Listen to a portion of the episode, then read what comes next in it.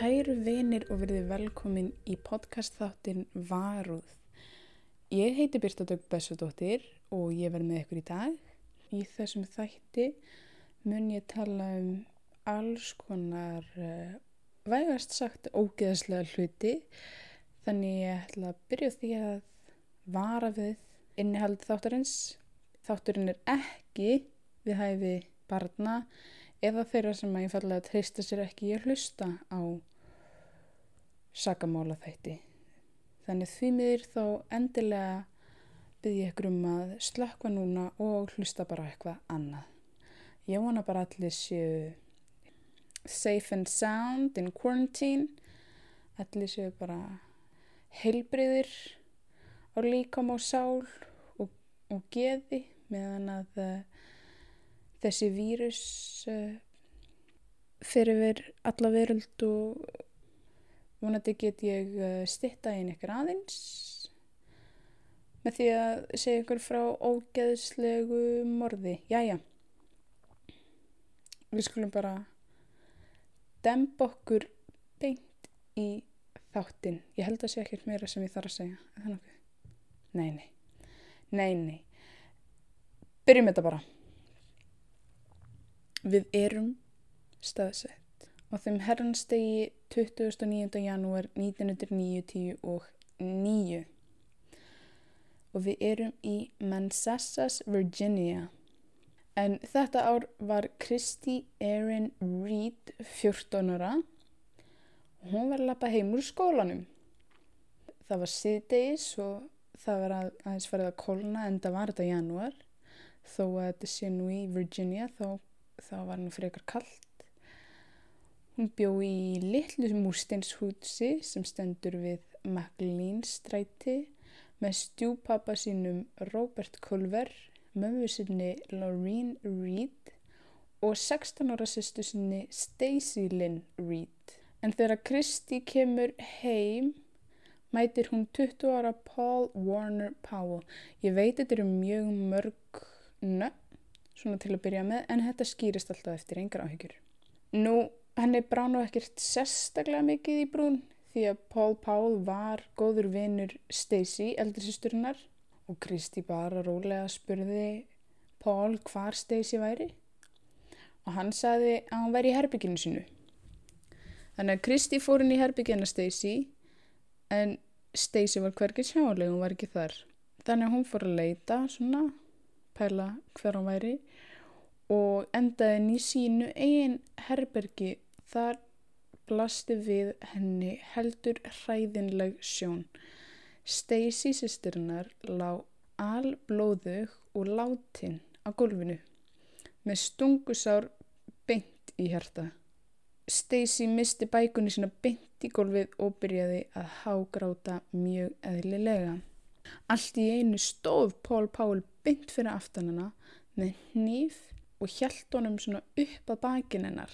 Blóðið í æðum Keiti fröys og Pól Pál neytti hana til að koma með sér niður í kallara.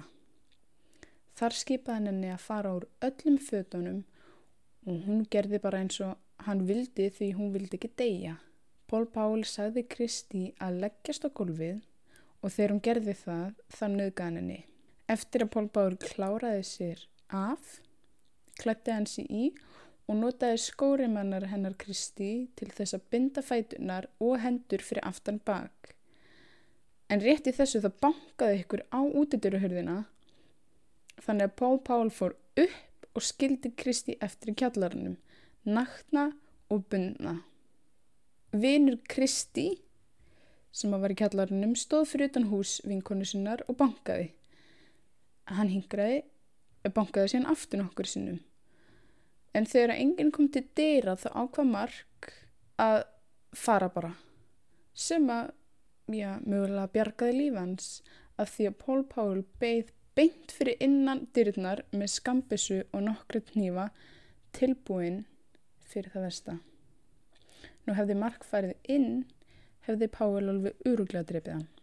Meðan að Páel var uppi náði Kristi að losa hendunar og eitthvað meginn skrýða eða svona mjaka sér í áttina að kjallarastíðunum en hún komst í miður ekki langt áður en að Pál Pál kom aftur niður í kjallaran. Hann tókaði henni glirun og reyndi svo að kirkjana með skórimunum, þanga til hún misti meðvitund. Svo stakk hann Kristi í magan og skar hann á háls nokkrum sinnum. Ekki einu sinni, ekki tviðsvar, heldur nokkru sinnum. Og svo skildi hann Kristi eftir til að deyja. En uh, Stacey Lynn Reed, sýstirinn Kristi, var fætt 21. águst 1982. Tveim árum senna fæðist Kristi Erin Reed og voru sýstunar mjög nánar. Stacey hafði mjög háar væntingar fyrir lífsitt. Hún var góðhjörtuð og vinaleg, góður og vinnusamur nýmandi sem fekk góðar enganir. Fóreldra hennar dáðust að henni og það gerði vinnir hennar líka. Þegar Stacey byrjaði í mentaskóla árið 1998, hei, ákvað hún að ganga í herin. Hún gekk í Junior Reserve Officers Training Corps. Já, eða J-R-O-T-C. Ég átti mjög erfitt með að þýða þetta yfir á íslensku en uh, ég ætla bara að segja ykkur hvað þetta er. Þetta er prógram í mentaskólum sem er haldið af hernum. Herin sér um þetta en krakkar í mentaskóla geta farið í þetta prógram í skólunum. Í prógraminu er kent grundvallar herrþjónusta, þau fara á æfingar, þau gera alls konar drills og alls konar svona, já bara grundvallar atriði. Uh, viku eftir að hann byrjaði í herrþjónustunni, herrþjónustunni var háriðinnar klift í viðeigandi klippingu sem allir í hernum verða að vera með. Og þetta er svona eiginlega bara næstum því krúnurakað Sumir eru með svona smá hórakollunum en hliðanar verða alltaf að vera alveg rakar og þetta er bara svona svo kalluð uh, drengjakollur þó ég vil nú ekki vera eitthvað skilgrinaða en þið getið ímyndað ykkur þetta. Hún átti sér draum og markmið um að vera fyrsta konan til þess að ganga í The US Navy SEALs sem í mjög stuttumáli er bandaríkja hér á sjólandi og lofti. Þetta er mjög hátt settir hermen. Sko þið verðið að afsaka, ég er alls ekki sérfræðingur í herþjónustu og ég veit eiginlega bara ekki neitt og því ég var að reyna að finna eitthvað um þetta þá skildi ég eiginlega ekki neitt. Þetta er US Navy Seals. Hún átti líka kærasta á þessum tíma sem heitir Sean Wilkerson og þau hefði alltaf farað saman á ball sem var haldið mitt af herðjónustunni. Neðar í götinni þar sem að Stacey og Kristi byggu bjóðrengur að nafni Paul Warner Powell. Hann var fættur 13. apríl 1978 og þó að hann hafi verið fjórum árum eldri en Stacey þá voru þau æskuvinir. Sambandið hefði byrjað mjög sangleisislega en eftir því sem þau eruðu eldri var áhugi Paul Powell á Stacey meiri og meiri. Þó að Paul Powell vissi mæta vel að ef þau myndu byrja saman og eitthvað myndi verða úr þeirra vinskap, eitthvað alvarlegra, þá væri það ólulegt og hann vissi það alveg vegna þess að Stacey var undir lögaldri. Hún var ekki nema 16 ára. En á endanum let Paul Paul eftir og byggði Stacey á stefnumót. Hún neytaði mjög kurtisillega og sagði Powell að hún ætti nú þegar kærasta. Hann Sean Wilkerson sem ég segði frá hann. Nú Paul Powell tók þessu ekki vel bara alls ekki, hann var brjálaður br, br, brjálaður, nei ok hann var alveg æfariður en ekki aðeins vegna þess að hún hafi neitt á hann eða vegna þess að Stacey ætti nú þegar kærasta heldur vegna þess að Sean var og er svartur. Jú, hann Paul Powell okkar var nefnilega sjálfskeipaður nýnazisti og white supremacist inn á gæslalappa. Hann var sér sett bara rasisti og kynþáttahattari.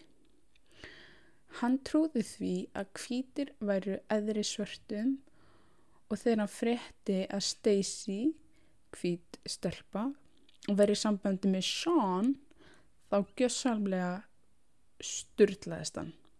Það var vegna þessa sambands sem að Paul Paul fór heim til rítfjölskyldunar og ætlaði að setja enda á sambandið á einn háttið að annan.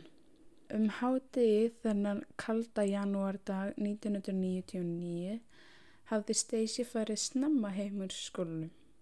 Hún hafði nýlokið við próf í skólanum og fyrst að það var ekkert annað á hennar dagskrá ákvað hún að fara heim og borða hátegismat þar frekarna borða hátegismat í skólanum og hanga eitthvað þar og ég skilur hennar svo vil. En í því með fyrir Stacey þó beigð Páel eftir henni fyrir utan húsið. Hann leiði henni að fara inn og beigð fyrir utan í rúman klukkutíma og fór síðan inn. Af hverju beigð henni klukkutíma? Ekki hugmyndum það, en hann gerði það samt. Hann hafði á sér nokkra hnífa skambussu og dúkanýf. Þegar hann kom inn í húsið sá hann að Stacey var að tala í síman við Sean. Hann mjög kurtisislega beigð eftir hann var í búin og lagði á.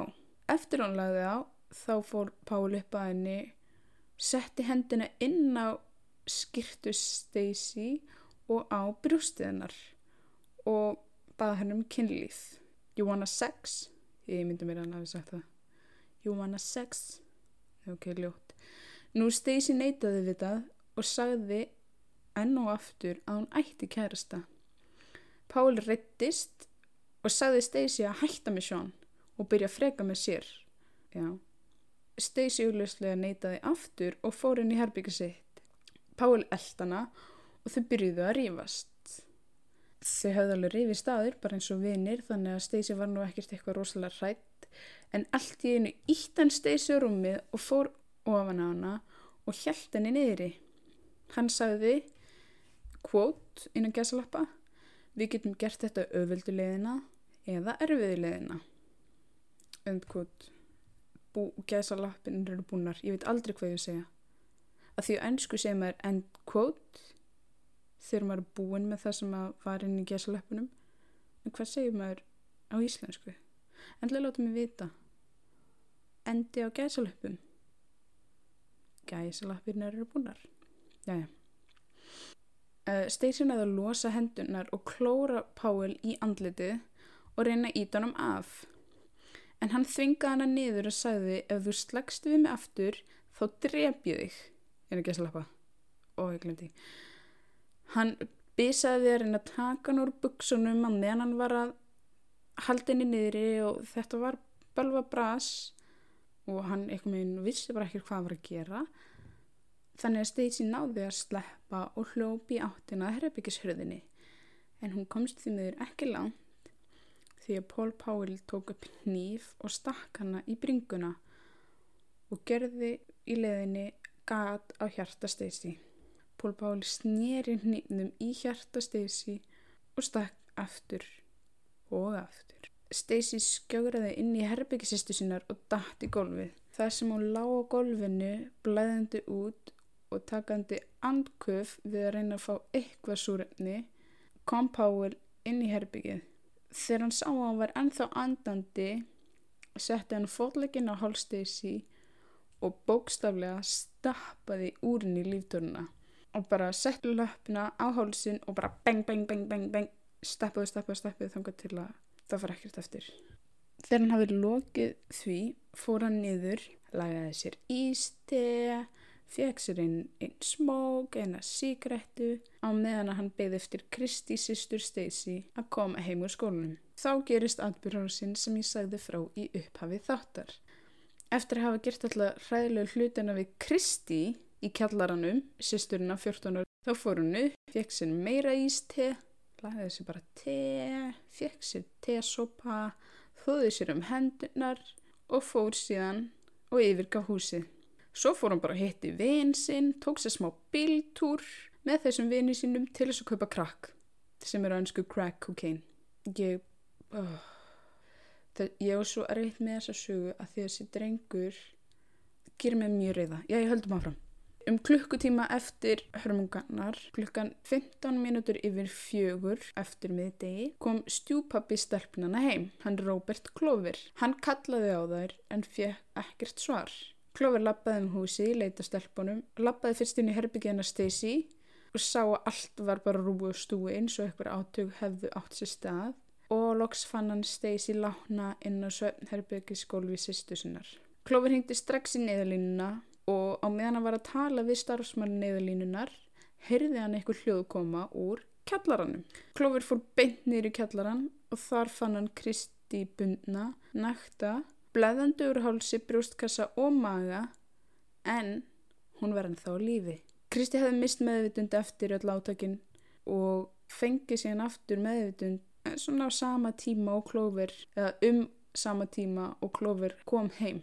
Og hún hefði reynd að kalla á hann en hún gataði ekki vegna skurðsins á hálsinum. Klófur fór beint og veitti Kristi skindhjálp þanga til að sjúkraflutningamenn mættu á svæðið. Áður en að Kristi var flutt á sjúkrahúsið, hallaði lauruglumæður sér yfir hana og spurði svona hver gerði þér þetta? Stacey gati ekki tala beint en myndaði með munninum nafnið Paul Powell. Ó, réttlæglis kendi mín er svo góð, ég er bara, yes, hún hafði að fucking segja nafnið hans. Nú Kristi var flutt á sjúgrós með þyrlu og var bara á milli lífs og dauða væntanlega. Eitt stungusáruna hafði munað einum sentimetra frá því að fara að beinta ósæðina og skurðinir á hálsunum hennar hafði munað halvum sentimetra að fara á slæðina. Nú Kristi laðist undir 5 klukkutíma skurðaðgerð og það þurfti að sauma 60 spór bara til þess að laga sárun á hálsunum hennar. 60 spór á hálsunum hennar. Kraftuverki líkast þá liði Kristi árusuna af en hún ber ennþá ör á hálsinum og hún og mamminar Lorraine Reed þjáðust af áfallastreituröskun eða PTSD á einsku. Paul Powell var handtekinn eftir árusuna af lauruglunni í Washington DC. Þar játa hann allt saman. Morðið á Stacey, nöðguninn á tilrönd til móðs á Kristi. Uh, hann hins vegar síndi enga yðrun á voðaverkinu sem að frendi.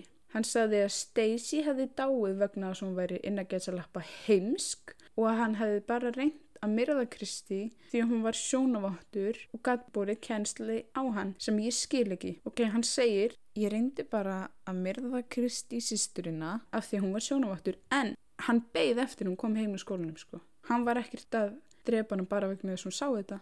Já, já, skiptir ekki alveg máli. Viku eftir áriðsuna var Stacey Reed lögð til kvílu í Stonewall kirkjugarðinum og uh, vegna þess að hún hefði verið í hernum voru herrmenn í fullum skrúða sem að mættu í jarðafirinnar og veittu henni blessun sína og heiður.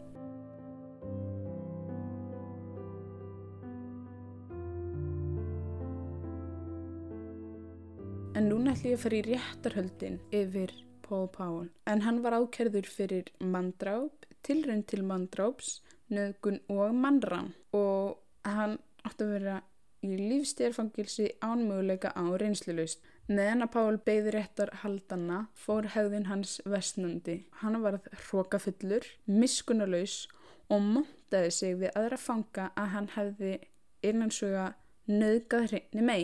Það var bara, veistu hvað ég gerði? Ói, ói, ói, það gerir mig brjálað. Eins og það sem að Paul Powell hefði gert hafi ekki verið nóg fyrir grei rít fjölskylduna þá byrjaði hann að senda þeim ógnandi og ógeðsleg bref. Vægasagt ógeðslegt bref. Þar meðal annars kalla hann Stacey eina gæsa lappa nigger lover og hótaði að drepa Kristi ef hún myndi vinna á mótunum. Hann er búinn að myrða sýsturina og hann er að hóta að myrða Kristi ef hann skildi voga sér að veitna á mótunum. En það er ekki það vest að við þetta. Hann sendi bref að Lorraine, mömmustelpuna, sem að innihjælt úrklippu úr klámblaði af naktri stúlku sem að leit svipað út á Kristi og brefið sem fylgdi myndinu var eftirferandi. Ég er búin að þýða það yfir íslensku en þetta er brefið hans, þetta er ekki mín orð, það er svona. Lorraine, ég var að velta því fyrir mér hvort að þú getur hjálpað mér með svo litið. Ég fann þessa myndi í tímariti og hann minni mig á eitthvað sem að ég þekki eða þekkti en ég bara kem nafninu ekki fyrir mig. Ég held að þú þekkir þessa mannesku líka. Þannig að ég var að velta því fyrir mér hvort að þú geti sagt mér nafni á þessari mannesku svo ég geti hægt að velta þessu fyrir mér. Ég myndi kunna að meta það. Ef þú þekkir ekki þessa mannesku, spurðu þá Kristi eða Kelly Welsh sem var vinkona Kristi því ég veit að þær vita hvernig ég er að hugsa um. Ef þú nær tali af manneskunni sem ég er að tala um, vinstalegast gefðu henni heimilisfangi mitt og byttu hana um að skrifa mér. Hvaðið er Pól Pál. Þetta er svo ógeðslegt. Hann er að hæðast af fjölskyldunni. Ég bara á ekki til neinn orð. Ég er algjörlega kæftstopp yfir því hvað þessi drengur er ógeðslegur. Árið 2000 voru réttarhöld Pál fyrir mandráp, nöðgun og tilraun til mandráps haldinn. Við skulum nú taka eina mínutu til að ræða um það hvað Kristi er angriðns sterkasta stelpa í heimi. Þó að Pól Pál hafi hótað að drepa hana þá fór hún 15 ára og vittnaði á móti Pál sem er, oh my god,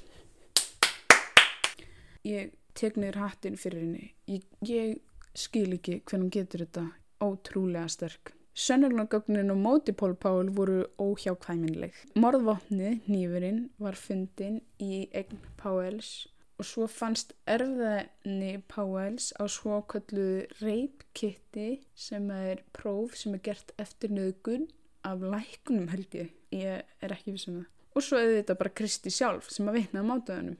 Það hjálpaði líka ekki að Pál hefði verið algjör rasshaus og montaði sig við alla fangana í fangilsinu um verknöðin.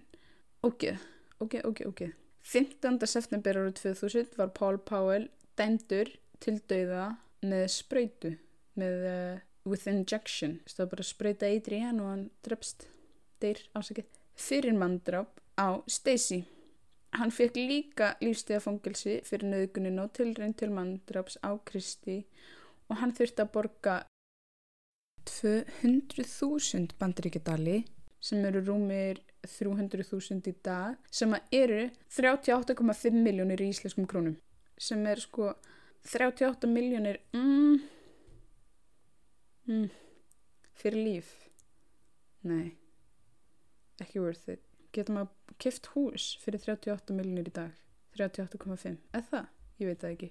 Ég hef ekki kift mér hús þannig að ég veit það ekki. Alltaf segja mig frá því Paul Paul var sendur á Death Row eða Dauðadæld í Sussex 8 State Prison í Waverly, Virginia.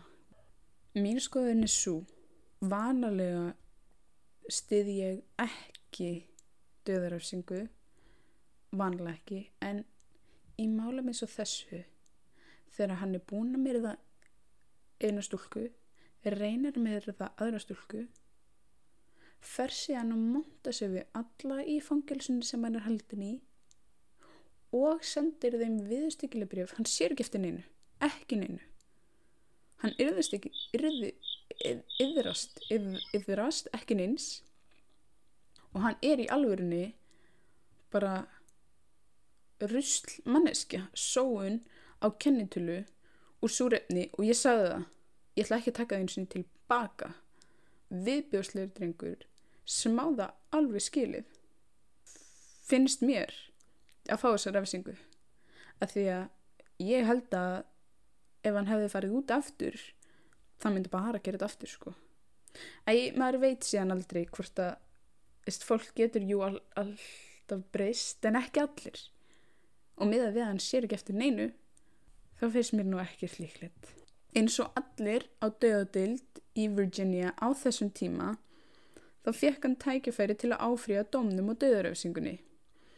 Og það var bara eitthvað sem allir getur gert. Og auðvitað gerðan það. Hann fór til hæstaréttar í Virginia, í Virginia og sagði að það væru engin sönnunagögn fyrir því að hann hafi nöðgað Stacy áður en hann myrtana sem að mm, er alveg satt að því að við vitum það ekki. Eða við vissum það, þau, enginn vissi það þá. Stacy er aldrei sýstirinn sem að myrti. Það næsta sem að gerist í sögunni er smá cray-cray, það er smá crazy og það þarf aðeins að útskýra réttakerfið í Virginia til þess að sjá og skilja betur. Ég ætla að fara fljótt yfir það. Réttakerfið í Virginia er öðruvísi en í öðrum fylgjum í bandarækjurum. Í flestum fylgjum eru svo kalluð first degree murder og second degree murder.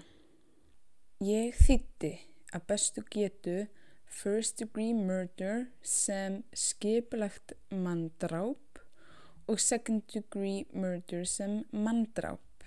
Ég er ekki lögfræðingur og ég veit eiginlega ekki hvort þetta sé rétt hjá mér. Þannig að það er eitthvað sem er vitrari þannig úti að hlusta sem eru allir. þá endilega leiðir rétti mig en að því að ég er ekki viss Það mun ég kalla þetta ennskunnum sínum sem sé first degree og second degree murder. Og í þeim fylgjum sem að dauðarefsing er löguleg áttu möguleika á dauðarefsingu ef þú framkvæmir first degree murder. En í Virginia er það ekki þannig. Bara þeir sem að hafa framkvæmt svo kallað capital murder eiga möguleika á því að fá dauðarefsingu.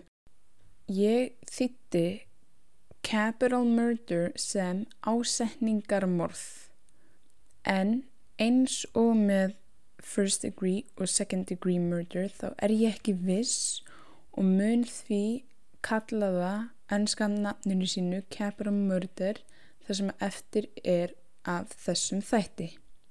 Til þess að vera dæmtur fyrir capital murder þarf ákjæruvaldið að sanna einn eða fleiri aggravating eða verri held ég, þætti. En þessir þættir eru meðal annars þegar fullorðin einstaklingur yfir 21 ás aldri myrðir barn undir 14 ára aldri.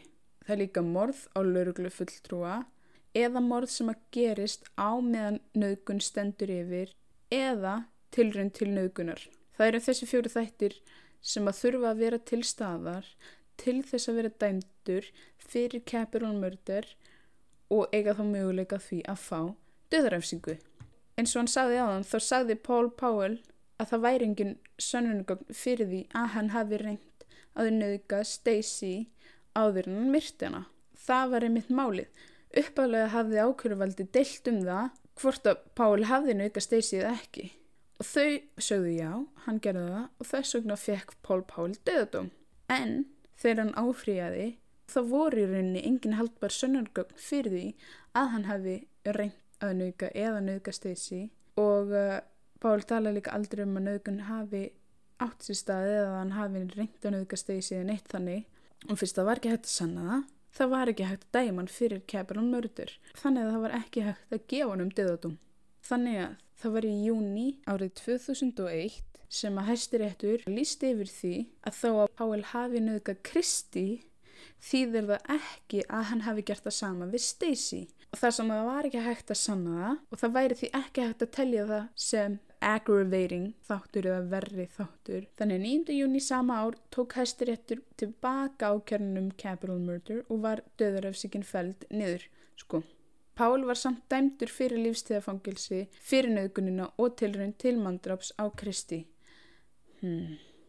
Mér finnst þetta algjörlega bananas. Mér finnst þetta brjálað en mín skoðun breytir í rauninni ekki neinu. Martruð rít fjölskyldunar hjælt áfram, þetta er bara tekið tilbaka og líði leik við Pól Páil. Hann var svonað með sig, hann var svo fullur af hróka og sjálfströystið hans var alveg á miljón eftir að hafa það sem hann hjælt leikið á réttakerfið og Við það gerði Paul Powell verstu mistök lífsins. Paul Powell var hrókafellari með hverjum deginum og hjælt því fram að hann veri betri en allir aðrir. Hæstiréttur sagði að hann gæti ekki verið dæmdur aftur vegna svo kallar double jeopardy en það þýðir að manneska getur ekki verið ákjörn aftur fyrir sama glæp. Paul Powell var varinn þessari vittnesku og ákvað því að senda bref á saksóknaran sem að reyndi að dæma á Powell döðaröfsingu. Hann sendi brefið í oktober 2001 rúmum fjórum hálfum mánuði eftir að hæstiréttur tók döðadóm Powells tilbaka. Brefið var gróft og ógeðsleg þar sem hann hættist að saksóknaranum og játaði að hafa drepið Stacey. Ég er búið að þýða brefið yfir íslensku að bestu getu og tek það fram það er mikið blót í brefinu og þetta eru ekki mín orð. Hefstu nú lesturinn.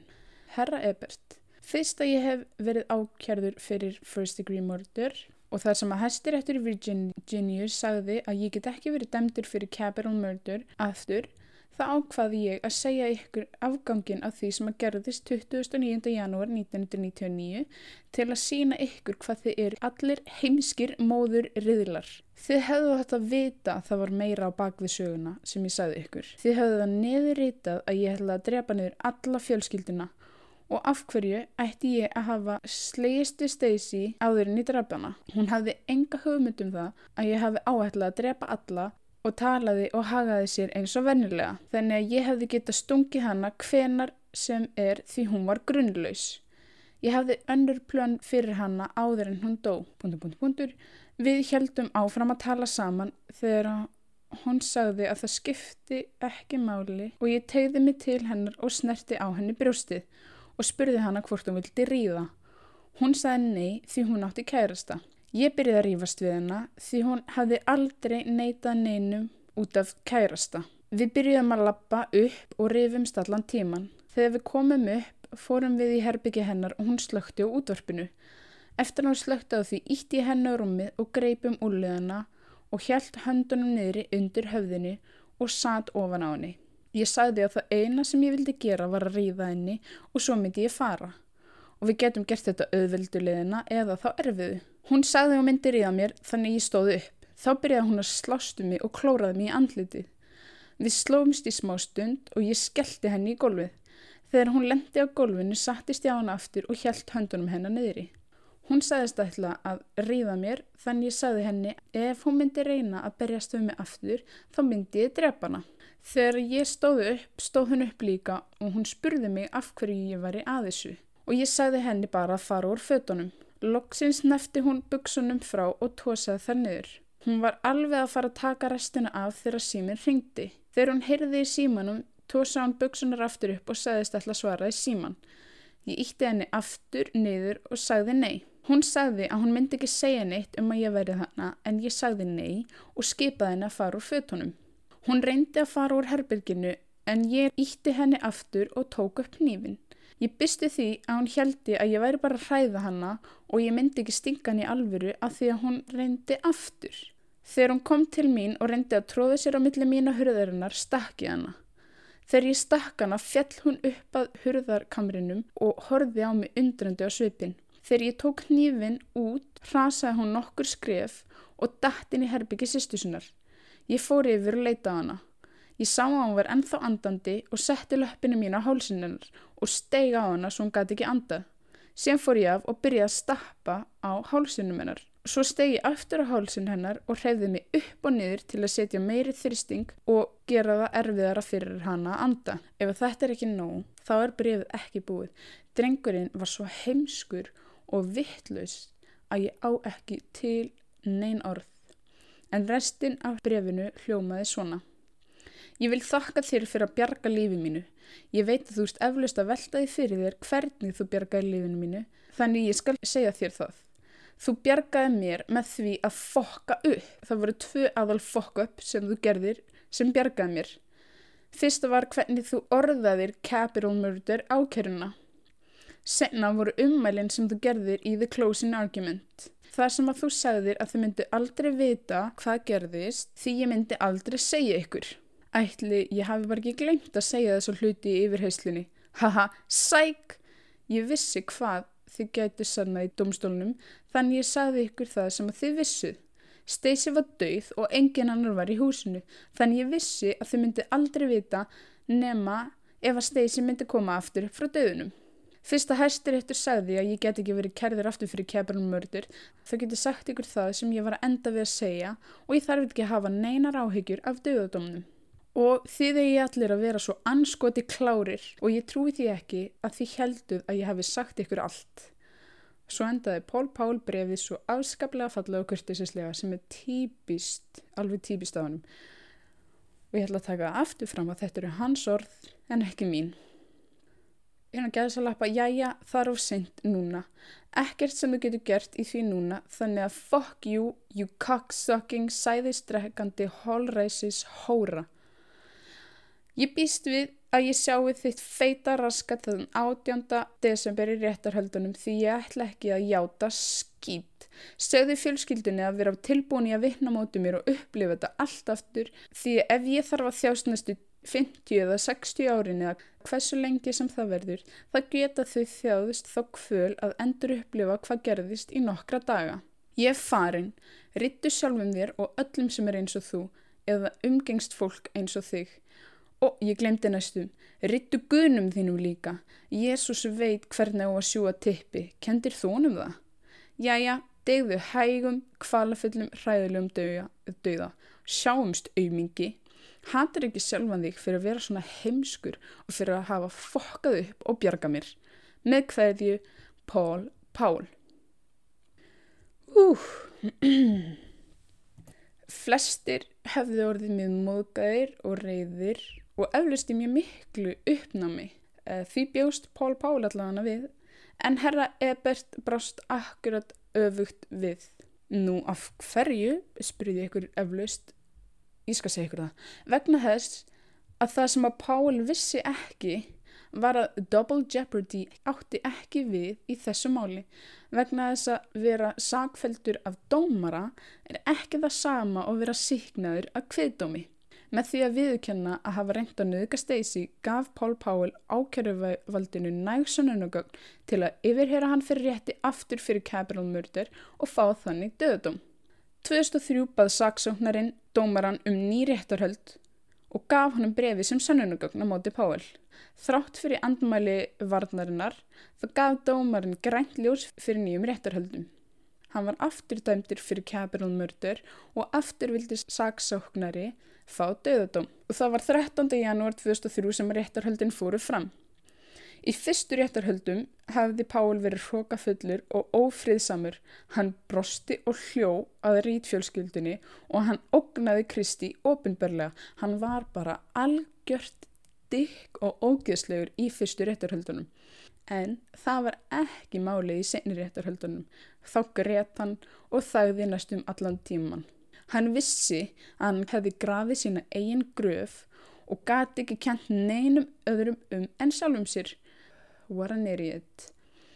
Og eins og í fyrri réttarhöldunum þá vittnaði Kristi afturmótunum en það voru hans eigin orð sem að voru sterkustu sönnunugögnin. Ekki aðeins hafði hann játað að hafa nöðga Kristi, heldur var það hrókafulla og satíska hegðinin sem hann syndi að hann sá ekki eftir neinu. Pól Pál reyndi eins og hann gata få saman með því að sína yðrun og gráta í dómsalunum, setti bara upp risa sjó, en brefi hendi þeirri hugmynd algjörlega út um gluggan. Brefi síndi hver hann var í raun og veru, hjartlaus rasisti og morðgefin barnaperri. Eftir aðeins 90 mínútur eða einu og halva klukkustund dæmdi kviðdómur Pól Pál til dauða fyrir mandrápið á Stacey Reed og var það þann 18. mars 2010 sem að Pál Pál var tekin úr fangaklefunum sínum í síðasta skipti. Þegar hann mætti í aftökuklefan var hann mjög augljóslega stressaður og kvíðin. Hann sattist niður í stólinn með hægri fótlegg og höfuðið rakað. Hann var festur niður í stólinn og einn varðan að sá hvað Pál var að svitna óhaflega mikið. Klukkan 20.58 var Pál spurður hvort hann hefði ykkur hinstu orð Pál sagði ekkert, hann horfið bara upp í lofti og svo beint fram fyrir sig á vittnin.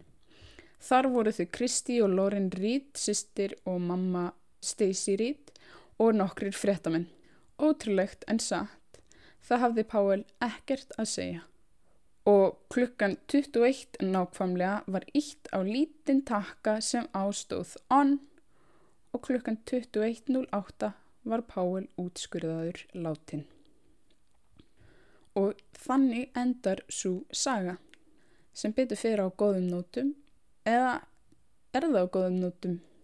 Ég minna, er ekki betra að láta hann rókna í fangilsi heldur en að hann degi bara. Ég held að dauðin hafi bara veitt rít fjölskyldinni nokkru huggun vitandi að þessi manneski er ekki lengur í heiminum og er ekki lengur á meðal okkar.